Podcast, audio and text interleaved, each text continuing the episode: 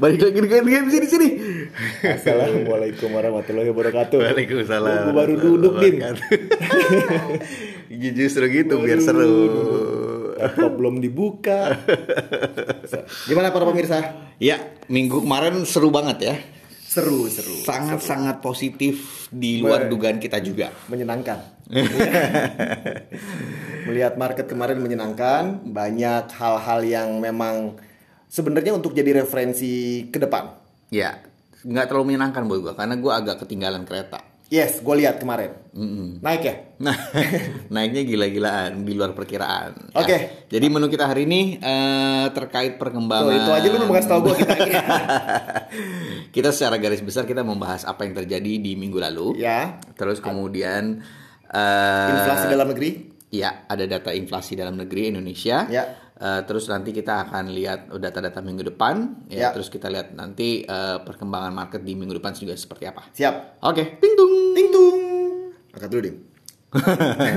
oh iya iya. iya. dulu. Oh iya iya iya. iya. Nah, gitu. Mau ngambil laptop bilang Iya, dong. Jadi taruh sembarangan dong. Oke. Ya. Jadi Jadi Wah, minggu lu bener-bener lu diem lu gua gua punya kacamata aja lu gua. Iya, jadi minggu lalu itu menarik ya karena pergerakan di awal minggu itu sebenarnya masih cenderung melemah. ya. Jadi kalau dilihat di IHSG, di rupiah itu ya IHSG eh, memang dari kemarin naik pelan-pelan ya memang. Eh, tapi dari rupiah itu kelihatan banget masih di 14.000 mencoba ke 14.600 malah dari 14.550-an. Yes. Forecast kita kan tadi 45 14.550 14.500 ya. Eh, nggak nyangka bakal malah di awal minggu ke mencoba ke 14.600. Asumsi kita bahkan mencoba mengetes 14.500. Betul. Walaupun end up end up-nya bener. Bener bener. Ya, kita bener-benerin aja lah. Gue bilang menyenangkan itu namanya. Betul, karena kayak rupiah kemarin sempat ngetes 14.600 di awal minggu, Hmm. tapi eh, eventually di ak- di pertengahan minggu berbalik ya. Berbalik dan bener-bener berbalik dan terjun bebas. lah. Hmm. Iya lo. Sadis. Gue malah saya buka grafiknya nih. Jadi itu kita uh, di awal-awal minggu itu uh, kita lihat adalah orang-orang itu semuanya mengantisipasi berita inflasi yang akan keluar. Inflasi rupiah, Inflasi rupiah, inflasi Indonesia. inflasi Indonesia jadi, ya. Hmm. jadi ini pengamatan aja. Jadi sebelum jadi yang ngambil posisi lepas-lepas uh, rupiah apa lepas-lepas US dollar dulu, eh, lepas US dollar, lepas US dollar. Uh, US dollar kan di awal minggu itu kan masih Menguat. di 14.550. Betul. Ya kan? Habis itu kan ke 600. 14.500. Nah, jadi aksi beli-beli berarti. Aksi beli dolar. Aksi beli dolar. Ya. Aksi beli dolar itu terjadi kejadian di hari. Selasa, betul. Jadi mereka tuh antisipasinya duluan. Mm-mm, inflasi diperkirakan akan tinggi gitu Betul. ya. Nah, Oke. habis itu eh, melejit tuh Dim ke yang pas lu WA gue. Kenapa ini mau mendekati 14.600? Ya. Ya kan? Jadi itu kalau men- menurut peng- pengamatan itu recover banget setelah pengumuman inflasi keluar, betul nggak? Ya. Nah, berarti berarti saat itu memang marketnya itu untuk mengantisipasi si Inflasi. rilisnya inflasi. Nah, Which is uh, ya itu jadi kalau misalnya kita uh, ke awal minggu memang kondisinya seperti itu ya mengantisipasi inflasi juga di tengah-tengah dolar yang sedikit menguat gitu.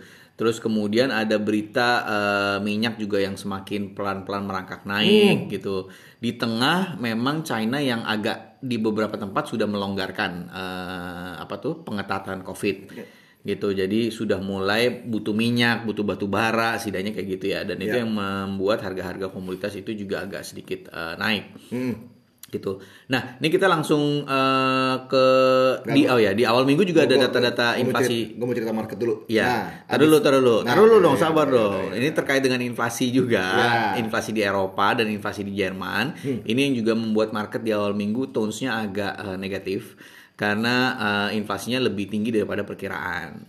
Jerman yang tadinya diperkirakan 7,6 lah perkiraan Hmm. inflasi naik dari 7,4 gitu ya ke 7,6 itu ternyata 7,9. Euro 3,5 diperkirakan at least 3,5 sama tapi malah 3,8. Nah, ini yang membuat market sama tones-nya ya eh, ketakutan akan global inflation yang cukup tinggi. Ya. Terus marketnya lagi nih lokal ya. Jadi eh, itu hari Selasa tuh yang rupiah ngelejit sampai hampir ke 14.600. Nah, besoknya itu yieldnya naik gila-gilaan. Mendekati 7,1 Yield rupiah ya. yield rupiah. Mendekati 7,1. Kalau teman-teman ingat, eh, para pemirsa ingat, kita punya prediksi itu kemarin atasnya tuh 7,1 7,2. Bawahnya 6,9. Ya kan? Ternyata yang terjadi itu mendekati 7,1. Ya, ya tinggal tinggal 4 sen 5 sen kali nyampe ke 7 eh, 7,1. Bergerak ke atas dulu ya. Oh, ke atas banget. Nah, jadi tapi, terkait dengan tadi rupiah dan rupiah tadi meng- mengantisipasi si uh, berita inflasi, besoknya baru bonds yang melakukan hal tersebut. Hmm. Nah, jadi pada saat itu uh, para uh, traders-traders ini ya buang-buang barang ya banyak ya, Hmm. aja lepas-lepas posisi, siap-siapin cash. uh, untuk meng- apa namanya mengantisipasi berita inflasi yang akan keluar esok harinya kalau ternyata jauh di luar dugaan. Kira-kira begitu. Ya, ya, ya.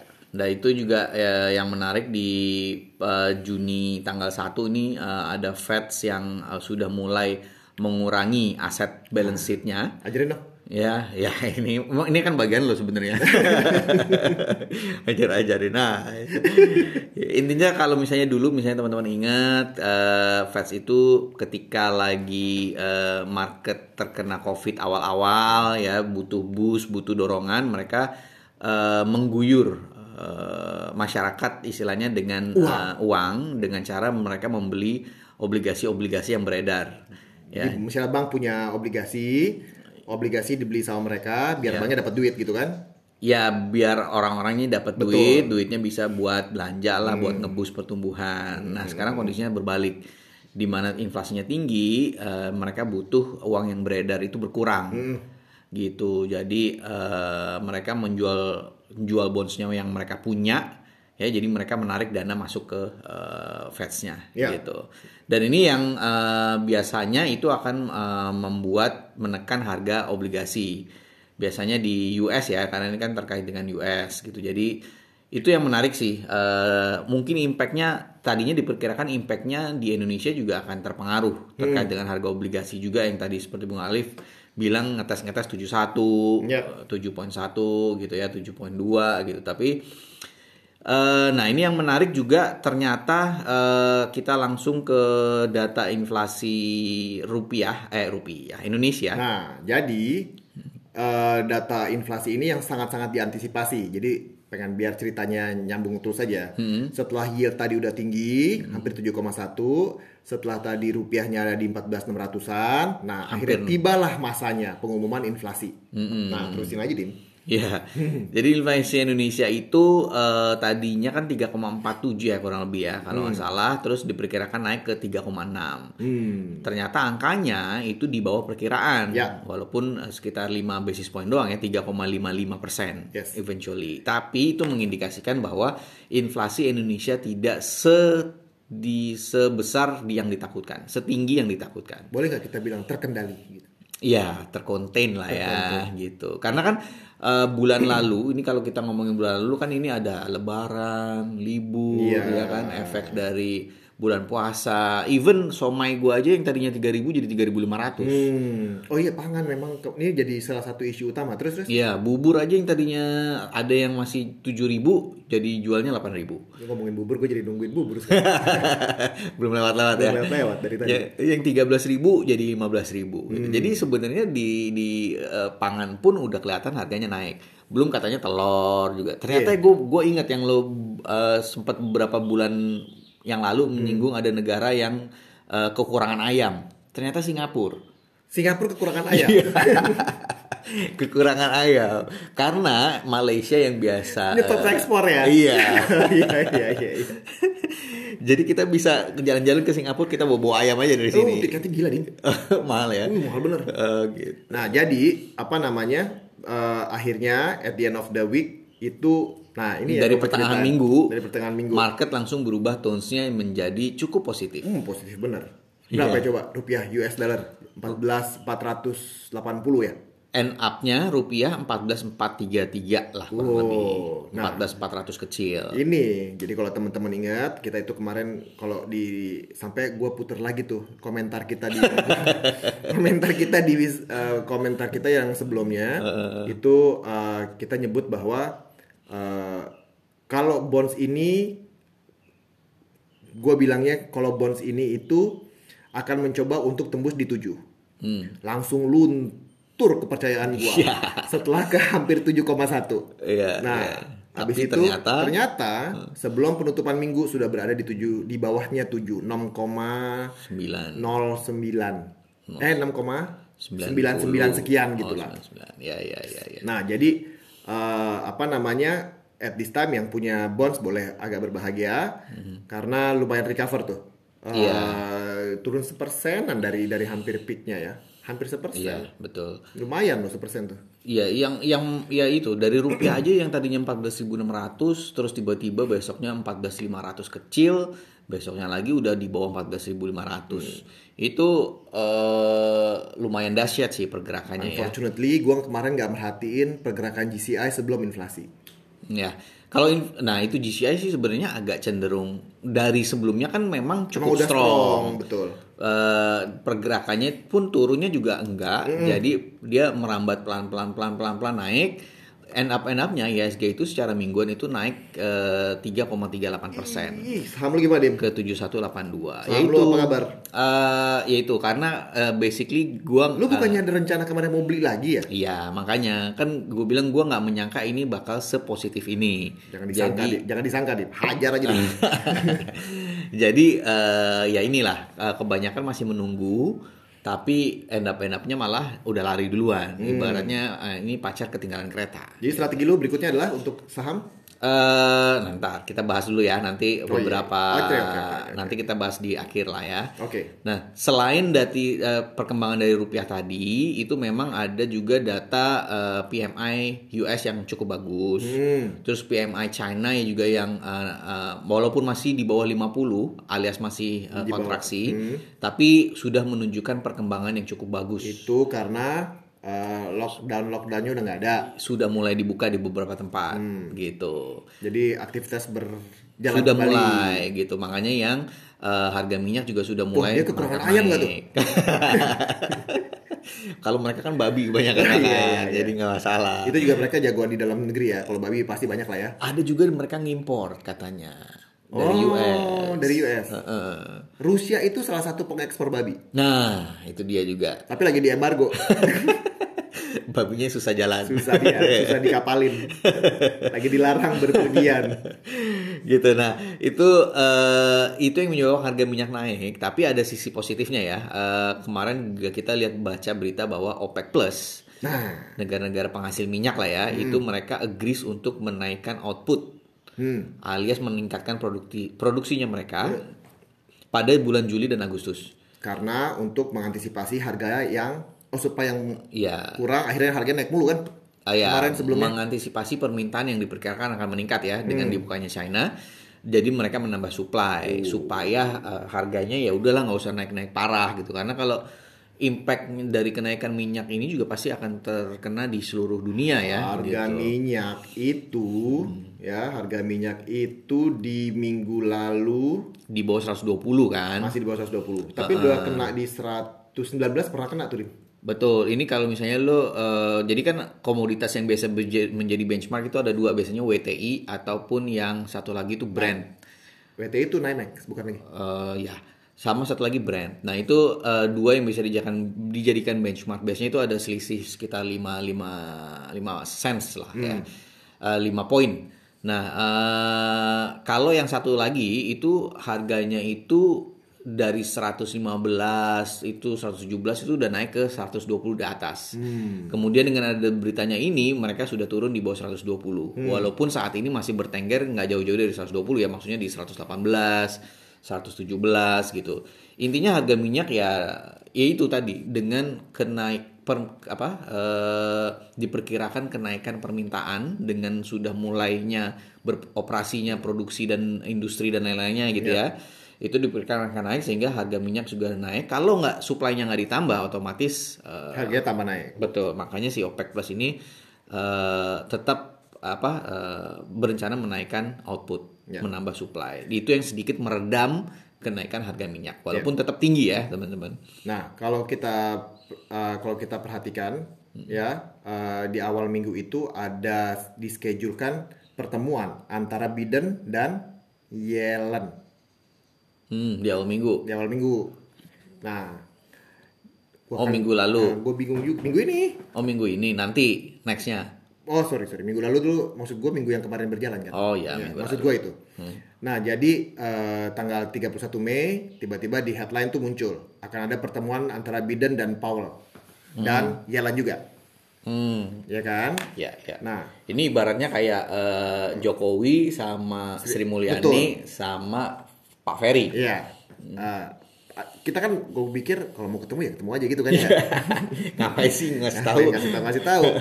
Jadi ternyata ini sepertinya membahas hal yang memang serius. Betul. Ya. Dan setelahnya pun Biden itu berencana bertemu dengan Arab Saudi.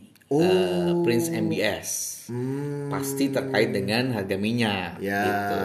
Karena kan selama ini Biden sama MBS ini kan nggak nggak deket karena Nggak deket, nggak deket karena Biden itu menuduh eh, MBS ini ada sangkut pautnya dengan pembunuhan jurnalis yang si siapa tuh Jamal ya siapa Ya ya ya ya ya itu ya ya. ya. ya. Dan itu eh, dari dulu eh, sampai sekarang kayaknya mereka belum pernah bertemu atau gimana ya. Hmm. Pokoknya ada ada keretakan lah dalam hubungan. Pak Biden ini sepertinya memang ingin merangkul semua pihak. Betul, against Rusia. Terus ya. Karena Tapi ini penting karena pertemuan ini pasti kemungkinan besar akan membahas harga minyak. tapi outputnya Produksi minyak. Ya akhir akhir kalau diskusi ini kan baru rencana atau belum kejadian kan? Belum, belum. Nah, habis kejadian menarik tuh hasilnya apa kalau Iya, kejadian. Betul. betul. Nah, terus besoknya langsung keluar lagi headline ya, Ibu Yellen bilang eh, bahwa tahun lalu itu beliau eh, salah dalam memprediksi atau melihat arah dari inflasi. Hmm. Ya, tahun lalu dia bilangnya tuh. Dia bilang saya tahun lalu saya agak salah melihat apa yang terjadi di inflasi ini. Nah, terus gue penasaran tuh, gue cari dia ngomong apaan sih emang gitu. Jadi yang dia bilang adalah sepertinya ada hal-hal yang tidak diantisipasi dan adanya eh, apa goncangan yang besar terhadap ekonomi. Di mana ini menaikkan eh, apa namanya harga-harga energi dan juga harga-harga makanan. Dan juga sub- apa supply bottleneck Ya. ya Betul. Jadi memang salah satu pemicu inflasi ini kan juga karena eh, supply bottleneck. supply bottleneck yang memang kita sempat bahas tuh Iya, supir truk. Supir truk. aja sampai jadi masalah gitu kan. Nah, ya. Jadi ini ini ini harus lihat sih Dim bahwa ram- rantainya tuh kita nggak ngelihat cuma seminggu dua minggu setelah kejadian Iya, betul. panjang gitu sampai Betul. sekarang akhirnya masih menjadi bahasan. Betul, inflasinya meningkatnya memang eh, nggak ada yang menyangka bakal separah ini ya, Iya. setinggi ini gitu. Dan sepertinya Amerika ya tadi berusaha merangkul semuanya supaya menekan inflasi terutama dari sisi harga minyak. Sup, ya artinya sup, dia minta supply. Iya, betul. Jadi kita lihatlah mudah-mudahan eh, pembicaranya berlangsung eh, baik ya sehingga bisa membuat harga minyak yang nggak jauh-jauh dari level 100 lah. Kayaknya 100 tuh udah oke lah sebenarnya. Ya. Semua negara Asumsi pemerintah kita 100 Iya, untuk semua uh, APBN uh, rencana APBN tahun depan. betul karena dari sisi eh, perusahaan minyak juga harusnya udah untung banyak gitu kan. Gitu ya? Da- iya kan kalau nggak salah pernah dibahas tuh ketika harga minyak turun, harga ekonomi Oh iya minyak iya tuh iya, berapa iya. harga gitu kan. ongkosnya doang cuma iya, berapa gitu kan. kalau nggak salah tuh sekitar 60 sebenarnya. Jadi kan ini udah cukup jauh daripada harga produksinya gitu. Datanglah dia ke MBS. Iya, Iya kan? minta nambah. Kita nambah. Betul. Udahlah, untungnya dikit-dikit aja dulu, Om. Iya, cuman di sana lagi musim haji bentar lagi. Jadi Oh, tertunda lagi dong. mungkin Biden sekalian naik haji. Pakai baju ihram. Oke, langsung berarti kita minggu depan. Minggu depan itu ada beberapa data yang cukup menarik. Eh, RBA, eh, interest rate, terus juga ECB. Itu mau naik suku bunga. Ya, RBA diperkirakan akan menaikkan sebesar 25 basis point kalau nggak salah kurang lebih. Terus ECB, ECB kan eh, sempat Bung Arif bilang ada potensi mereka akan menghentikan eh, negatif interest rate. Yes. Tapi diperkirakan saat ini masih belum menaikkan Oh. gitu. Terus kemudian ada inflasi eh, China dan inflasi US yang paling penting. Ngeri nih ya, inflasi Ngeri, US ya. ngeri, ngeri, ngeri, ngeri. Oke. Jadi kemungkinan sentimen negat, sentimen minggu depan itu akan sangat em, ini kan inflasi US itu di akhir minggu. Akhir minggu depan. Ya, Hmm. jadi awal minggu itu kemungkinan akan market akan masih memforecast kira-kira inflasi US seperti apa gitu. Dari situ mereka akan baru memulai eh, strateginya. Jadi eh, untuk walaupun ya kita kita kan minggu lalu kita sempat bilang euforia kan. Market nih bullishnya euforia. Less euforia, euforia, euforia terakhir. Nah, jadi eh, apa namanya kita udah lihat eh, kalau dari sisi apa yang kita udah ngomongin eh, yieldnya udah di bawah 7 ya kan? Eh, US rupiah juga sangat bagus di 14.500 di bawah, jauh. Eh, GCI dim ya. GCI Sudah kayak hampir ke level sebelum market turun jauh. oh Ingat nggak tuh yang kita sebelum market crash turun tuh di bawah 7.000 ya ya ya tiba-tiba ya ya kan. ya ya ya. Waktu itu kan mereka di 7.200-an, Ya, sempat ya, ya. 7.350 the highest intraday-nya. Betul. Gitu. Sekarang itu udah balik lagi 72 ya. sekarang udah mendekati level 72 di 7182. Nah, ini eh, intinya sih semuanya ini sudah mencapai hampir kayak semacam peak, Max peak dari ya. kitanya. Betul. Perkiraan Jadi- peak dari kita. Betul. Nah, jadi untuk apa namanya minggu depan, silakan nih. Kirain. Kalau untuk minggu depan, gue masih agak mengandalkan uh, liquidity yang ada satu, sama ternyata masih ada tenaga sedikit-sedikit untuk uh, orang-orang put their money in, ya. Jadi kalau gue lihat untuk di bonds peluangnya untuk menguat masih ada apa enggak masih. Tapi kayaknya nggak se-ekstravagan yang kemarin. Ya. Dari sekitar 7,2 ke 6, di bawah 7 lah. Nah, jadi kalau gue lihat untuk range uh, di minggu depan itu di angka 7,1 uh, yield atasnya, yield bawahnya mungkin di 6,8. Hmm. Oke, kalau dilihat sih sebenarnya market minggu depan sepertinya kayak trade lightly lah, hati-hatilah gitu karena ini udah Gara-gara dia udah ya. di peak ya.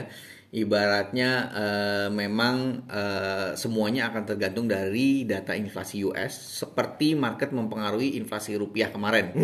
Inflasi rupiah kan kemarin Hmm. Lebih inflasi eh, Indonesia kok rupiah mulu sih ngomong. Inflasi Indonesia kan kemarin diperkirakan parah tapi ternyata enggak sehingga market berbalik. parah Dim?